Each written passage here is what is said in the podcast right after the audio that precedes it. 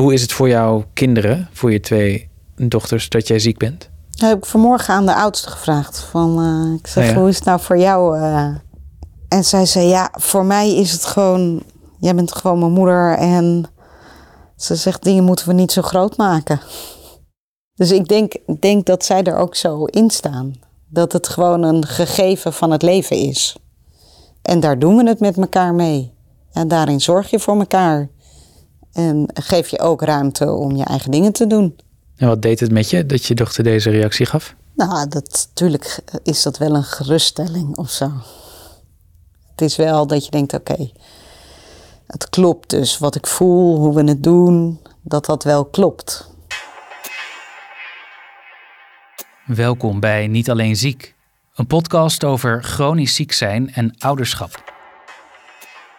Ik ben Maarten Dallinga en maakte deze serie voor Stichting BNP. Je hoort Marleen, die sarcoïdose heeft. Ik heb het idee dat ik ze juist daardoor ook serieus neem. Want als ik druk ben en net even te veel hooi op de vork heb en ik zeg, "Pff, ik ben zo moe. En ze zeggen van, eh, vind je het heel gek, mam? dan, ja, dan is het voor mij, soms heb ik het ook gewoon even niet door. Ik ben natuurlijk ook gewoon mens. Ja. ja, ik ben gewoon mens. Ja, dat is dan die spiegel. Ja, heb ik het even niet door. En dan zeg ik, eh, hoezo? Nou, moet je eens kijken wat je vandaag allemaal gedaan hebt. oh ja, ja, ja. Ben je altijd ehm, eerlijk en oprecht tegenover je kinderen als het gaat om hoe jij je voelt? Zeg je het altijd als je slecht voelt, als je moe bent? Of maak je het ook wel eens kleiner? Ik denk dat het niet altijd lukt. Omdat je in situaties zit waarin je denkt, nu even niet. Of voor jezelf, omdat het je dan even niet uitkomt. Omdat je denkt, nog even dit of nog even dat. Of omdat ik het op dat moment niet de moeite waard vind. Of iets niet wil wegnemen. Hun plezier bijvoorbeeld? Ja, als een kind eh, thuis, als iemand thuis komt, of het nou een kind is of een volwassene, of die een hartstikke leuke dag heeft gehad. En Kan die komt partner blij. zijn. Ja, kan ook mijn partner. En die komt hartstikke blij thuis. En jij bent niet, eh, je voelt je niet zo fit. Oké. Ja. Dan doe je wel eens anders voor. Ja, in het belang van ja, je, je belang kind van die of ander. je partner. Ja. Ja, en dat brengt je ook wel weer wat. Want ik merk ook wel dat ik dan, doordat iemand dan met een nieuwe energie binnenkomt, en ik merk, ah, dan, tre- dan trek ik mezelf er dan ook uit. Dit is aflevering 3 van Niet Alleen Ziek. Communiceren. Nou ja, ik heb dus mijn beperkingen. Wat inhoudt dat ik niet zoveel actief kan zijn met mijn meiden als ik zou willen.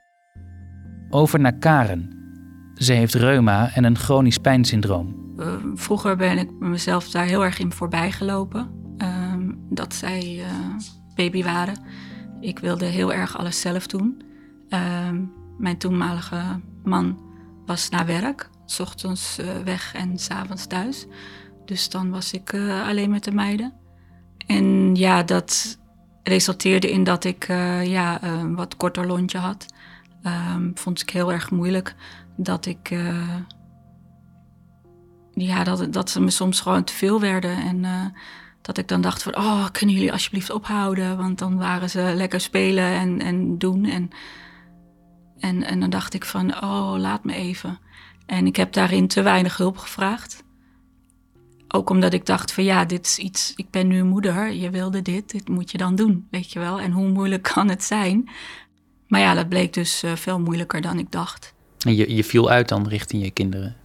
Ja, en dat vind ik heel moeilijk om toe te geven. Want daar zit natuurlijk een heel stuk schaamte op. En dat is ook wel waarom het hulpvragen ook heel lastig was. Daarnaast was iedereen ook gewoon in mijn omgeving aan het werk. Dus ik had ook niet het idee van wie is er om, om hulp te vragen. En ja, mijn moeder woonde verder weg. Weet je, je bent natuurlijk ook eh, heel erg bang van eh, dat ze zeggen: Oh, je kan niet goed voor je kinderen zorgen. En eigenlijk ja, heb ik mezelf daarmee gewoon in de knoop eh, gedacht. Want dat is natuurlijk helemaal niet zo ehm, zwart-wit als dat ik het maakte. Dus daar is met de tijd ook meer acceptatie voor nodig geweest. Dat ik dus gewoon minder dingen minder kan. En meer moet overlaten aan anderen. Ehm, Dus ik heb toen wel huishoudelijke hulp uh, gevraagd en gekregen. Inmiddels zijn Karens tweelingdochters 13 jaar oud. Ja, dat is met de jaren gekomen, zeg maar. Dat zij natuurlijk werden wat zelfstandiger, konden wat meer dingen zelf. En ja, uiteindelijk uh, dat ik uh, veel beter in mijn vel ging zitten. En dus ook veel beter met hun kon omgaan. Hoe kijken je dochters zelf terug op die eerste 13 jaar van hun leven en, en de omgang met jou? Heb je geen idee? idee? Nee. Um, maar als ik kijk dat ik uh, briefjes krijg met je bent de liefste moeder en je bent de beste moeder. En um, als ik tegen ze zeg van, goh, weet je, ik, ik hou zoveel van jullie. En uh, dan zeggen ze, wij ook van jou. En we, we hadden geen andere moeder willen hebben. Dus dan denk ik dat ik toch ergens ook wel uh, veel goeds heb gedaan. ook Christel, die sarcoïdose heeft, heeft een goede band met haar twee kinderen. Maar dat betekent niet dat het thuis altijd pais en vree is. Mijn jongste zoon die, uh, die woont nog thuis en uh, die uh, volgt op dit moment zijn opleiding nou ja, digitaal. Hè. Tot hij had piloot. tot piloot, inderdaad, dat klopt. En hij houdt ervan om een lekkere lunch klaar te maken, lekker eieren te bakken en brood te roosteren en van alles en nog wat. Dus laatst ook, ik was lekker wezen wandelen en ik kom terug en ik zie het hele aanrecht vol staan met allerlei rotzooi, zeg ik dan. en toen zei ik inderdaad ook van, joh, kom dat eens even opruimen. Er liggen allemaal kruimels op de grond. Ik heb net de keuken schoongemaakt en uh, dit en dat. En, uh, nou, en hij zat al zo met zijn, met zijn vinger voor zijn mond van, uh, ik zit weer in een, in, een, in een overleg, weet je wel. Dus dat kan niet zo. En toen zei hij later van, ja, dat vind ik ook zo irritant dat je dat doet en dat je je gewoon met dat soort dingen bemoeit. Ik ruim het echt wel op. Alleen omdat jij gewoon nu zoveel thuis bent, zie je alles. Terwijl als je gewoon de hele dag op je werk was geweest en je komt om zes uur thuis, dan was die keuken gewoon weer spik en span geweest. En toen dacht ik inderdaad ook van ja, dit was niet heel handig voor mij. Waar komt het dan vandaan? Um, ja, omdat ik, ik denk aan de ene kant omdat ik me gewoon uh, er zijn minder dingen waar ik me druk om kan maken. Dus als ik me dan ergens druk om kan maken, dan, dan, dan grijp ik dat. Um, en ik denk ook dat het ermee te maken heeft, omdat gewoon het, het, het schoonmaken van mijn huis, maar even een voorbeeld te noemen, dat kost me veel meer energie dan eerst. En dan denk ik van ja, weet je, dan heb ik daar net gisteren een uur tijd aan gespendeerd. En dan is het binnen vijf minuten is het een zwijnenstal geworden. Even heel erg overdreven hoor. Maar zo voelt het dan op dat moment. Dus ik, ik denk echt dat dat daar door de grond zakken. Ja, dan denk ik. En dan, dan achteraf, ja, weet je, ik heb ook wel mijn sorry gezegd. Ik zeg, joh, dit was inderdaad niet handig. Ik zeg de volgende keer, dan, dan loop ik gewoon nog even een extra rondje. Of dan ga ik naar boven of even wat anders doen. Of als ik in de woonkamer ga zitten, zie ik die keuken ook niet. Hè. Ik moet ook iets makkelijker worden voor hem, maar ook voor mezelf. Want ik heb mezelf er ook mee. En tegelijkertijd um, zou je ook kunnen denken, hij kan ook met jou wat rekening houden. Uh, ja, dat klopt. Dat, dat vraag ik ook inderdaad aan hem. En hij ruimt het dan ook wel op. Alleen, ja, dit viel toevallig net zo dat zijn les al begon en uh, dat hij zijn eieren en zo net klaar had. Dus dat hij geen, uh, ja, geen tijd meer had om, om dit nog op te ruimen. Maar dat, dat klopt. En, en je zei, ik, ik heb niet zoveel meer of minder dan vroeger dingen om er druk om te maken. Mm -hmm. Dus dat grijp ik dan aan. Mhm. Waarom doe je dat dan? Even los van hè, dat, je, dat het veel energie kost om het huis schoon te, te houden. Waarom grijp je het aan zo'n moment? Ja, weet je, anders, als, als ik bijvoorbeeld wel zou werken, dan, dan, dan kun je ook gewoon uh, emoties en energie uh, delen met, met collega's. En die collega's, die heb ik nu niet meer. En um, ja, dat is, dat is aan de ene kant ook wel een gemis. He, dus mijn, mijn, hele dagelijkse of, of, mijn daginvulling is totaal anders dan, dan toen ik werkte. Je bedoelt, ik moet af en toe mijn ventiel gewoon even opendraaien? Ja, dat is, dat is het denk ik ook. Ja, dat je gewoon eventjes uh, je energie uh, uh, kwijt moet. Langdurig ziek zijn zet relaties onder druk. Daarom is het belangrijk te blijven praten. De vrouwen uit deze serie illustreren dat duidelijk. Ik vroeg Sonja, die reuma heeft, in hoeverre haar ziekte de relatie met haar man heeft beïnvloed. Behoorlijk, ja. Ja, uh, intiem zijn we niet zo vaak, want uh, uh, mijn man vindt het heel lastig als ik heel veel pijn heb om intiem te zijn. dat snap ik. Ehm, hij is soms een mantelzorger, maar we proberen zoveel mogelijk toch ook wel echt partners van elkaar te zijn en beslissingen met elkaar te nemen. En uh, daar lopen we ook wel eens tegenaan. Ik krijg injecties voor de medicijnen. Ik ben bijna een jaar met de huisarts constant vragen of uh, de wijkverpleegkundige hier langs kon komen, zodat hij een aantal injecties niet hoefde te geven. Omdat ik merkte dat dat onze relatie in de weg begon te staan. En ja, dat soort dingen, daar moet je wel constant achteraan en je moet met elkaar in gesprek blijven gaan. Ik denk dat dat de belangrijkste sleutel in ons leven, in onze relatie is. En hoe probeer je toch de romantiek een beetje erin te houden? Um, ja, we steken wel eens een kaarsje op. We gaan wel eens met z'n tweeën uh, wandelen.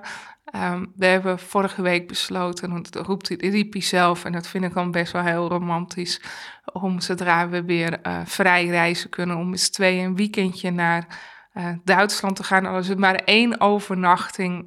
Ja, dus daar kijk ik wel naar uit volgend jaar. Ja. Ik vroeg Sonja ook wat zij andere partners van mensen die langdurig ziek zijn zou willen meegeven. Blijf in gesprek met je partner. Blijf vragen wat zij nodig hebt, maar geef ook aan wat jij nodig hebt. En ja, ik denk in gesprek gaan dat dat het belangrijkste is. Nou, als er iets is, al, al klein, uh, dus niet gezogen in huis, in plaats van heel boos, geïrriteerd erover te zijn, kijken of we dat met z'n allen kunnen oplossen. En soms is dat heel simpel. De een pakt de stofzuiger en de andere pakt de vaten aan. En dan is het ook gebeurd. Door echt in gesprek te blijven over hoe klein het onderwerp ook is, um, red je je huwelijk mee. Want er gaan veel huwelijken kapot doordat men vergeet te praten. Zo ging het mis met de relatie van Karen. Helaas wel gescheiden, want uh, we hebben heel veel doorgemaakt samen. En ja, we hebben het gewoon niet gered. Ze spraken elkaars taal onvoldoende. En hij is niet echt een prater. En ik vond dat lastig.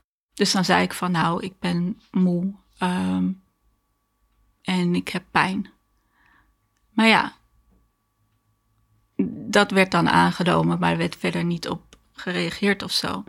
En op een gegeven moment zei hij van, ik, zei ik van ja, ik zeg maar, ik moet aangeven hoe ik me voel. En dan zei hij ja, maar als je het zo vaak zegt, dan is het een beetje van, uh, ik heb het nu wel gehoord, ik weet het nu wel. Terwijl ik denk dat hij liever had dat ik zei van, hey, kun jij dit voor me doen of dat voor me doen? Uh, want dan is het duidelijk wat hij moet doen. En dat vroeg je niet? Nee. Waarom niet? Ja, weet ik eigenlijk niet. Ik, ik ergens dacht ik, had ik ook altijd het gevoel van, ja, zie je niet aan me hoe ik me voel? Als gezin leren hoe je chronisch ziek zijn een plek geeft. Daar zou meer aandacht voor moeten zijn, vindt Karen. Bijvoorbeeld, je hebt er iets als ergotherapie. En daar leren ze je van uh, hoe je dan je energie kan verdelen, hoe je potjes open kan maken. Um, allemaal praktische tips. Maar er is nooit gesproken over de, hoe bespreek je je ziekte met je kinderen of met je man. Of um, wat voor handigheidjes uh, kun je bedenken dat, dat iedereen begrijpt hoe jij je voelt. En zonder dat je dat steeds hoeft te zeggen. En, en ik denk dat, dat dat wel heel erg geholpen zou hebben. Als ik toen had geweten van ja, als ik gewoon duidelijk vragen had gesteld aan hem van wil je dit voor me doen, wil je dat voor me doen. Als ik voor mezelf had geaccepteerd van deze dingen kan ik niet meer. Het is oké om het aan anderen te vragen. En uh, het is oké om een boek te gaan zitten lezen, omdat je daar uh, rust uit haalt en daarna dan weer wel wat energie hebt. Ik mis gewoon, uh, en dat is ook waarom ik dit doe, dat je begeleiding krijgt. En dan nog even naar Christel. Naar dat moment waarop ze even boos werd op haar zoon, omdat hij de keuken niet had opgeruimd. Je zei sorry tegen je zoon. Hoe is het om sorry te zeggen tegen je zoon? Nou, dat heb ik al wel vaker gedaan. Ook wel voordat ik ziek werd. Omdat het natuurlijk best wel Tenminste, ik heb dat al best wel zwaar ervaren toen de kinderen ook kleiner waren en toen ik er alleen voor stond. En uh, ja, dan waren er ook wel eens momenten dat, dat we dan thuis kwamen. Dan had ik ze opgehaald bij de buitenschoolse opvang. Dat ze iets hadden van, oh, ik heb zo'n uh, honger, ik wil nu eten. Ik zeg, ja, jongens, ik kom net thuis van mijn werk. Ik moet nu eerst nog eten koken, dus dat duurt even. Ehm, dus toen schoot ik ook wel eens uit mijn slof. En toen heb ik eigenlijk ook wel geleerd om sorry te zeggen. En ehm, ik, ik geef hen ook wel mee van ja, hè, eh, niemand is perfect en ik ben ook niet perfect. En het is ook helemaal niet erg om niet perfect te zijn. Hè? Ook al willen we dat allemaal heel graag. En ook al wil ik dat heel graag. Ik wil jullie een goed voorbeeld geven. alleen ik, ik zeg dan ook wel van, ik probeer jullie eigenlijk ook een goed voorbeeld te geven door juist te zeggen van, hé, hey, dit had ik eigenlijk niet zo moeten doen. Ehm, ik wil het een volgende keer anders doen. Of hoe zou jij graag, graag willen dat, dat ik het een andere keer doe? Het is een hele positieve benadering. Ja, ja. Ja, ik probeer er wel, dat lukt niet altijd, maar ik probeer er inderdaad wel een, een, een positieve draai aan te geven, zodat we er allemaal uh, nou ja, ook weer een stukje wijzer van worden. En ik vind het wel knap, want je zou ook kunnen denken van, nou, je gaat naar boven en, en gaat balen zittend op bed van, god, ik ben, ik, ik ben de moeder van hem en ik moet het goede voorbeeld geven, ik moet het goed doen en het lukt alweer niet. Ja, nou, soms heb ik ook wel eens zulke momenten. Het is niet dat ik altijd uh, uh, fluitend uh, door het huis heen loop. Hè. Het, het, het, gebeurt ook wel eens dat ik dan echt denk, ja, nu wordt het me gewoon te veel. En pff, ja, ik, ik kan wel janken. Wat maakt dan dat, dat het vaak ook wel lukt om het op een positieve manier voor jezelf mm -hmm. te zien? Mm, ja, ik, ik, ik denk vooral om mij, zeg maar, of door mij ook te uh, verplaatsen in, in, in anderen. En, en, en dan in dit geval in mijn kinderen. Van hoe, hoe zou dat zijn hè, als, als, als, als kind? En ja, dat is iets waar ik zelf dus ook ervaring mee heb. Mijn moeder was uh, op die leeftijd, uh, toen ik 16 was, toen was mijn moeder zelf ernstig ziek. Um, en ik heb ook gemerkt hoe zij met, met, met ons als kinderen omging. En ik weet dat zij haar best deed, maar dat was ook niet altijd makkelijk voor ons als kinderen. En er was toen ook geen ruimte om daarover te praten. Er werd eigenlijk helemaal niet over gesproken. En ik geloof niet dat ik een van mijn ouders wel eens sorry heb horen zeggen. Dus ik had echt zoiets van dat is iets wat ik in ieder geval anders wil doen. Hmm, want hoe ervoer jij dat toen? Uh, als een afwijzing.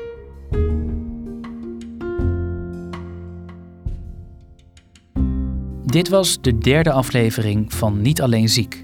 Een podcastserie van mijzelf, Maarten Dallinga, voor Stichting BNP. Wil je reageren? Mail dan naar nietalleenziek.stichtingbnp.nl. Meer informatie vind je op stichtingbnp.nl. Vind je dat meer mensen deze serie zouden moeten horen? Laat dan een recensie achter. Of deel een bericht op sociale media. Dat helpt. Bedankt voor het luisteren en graag tot de volgende.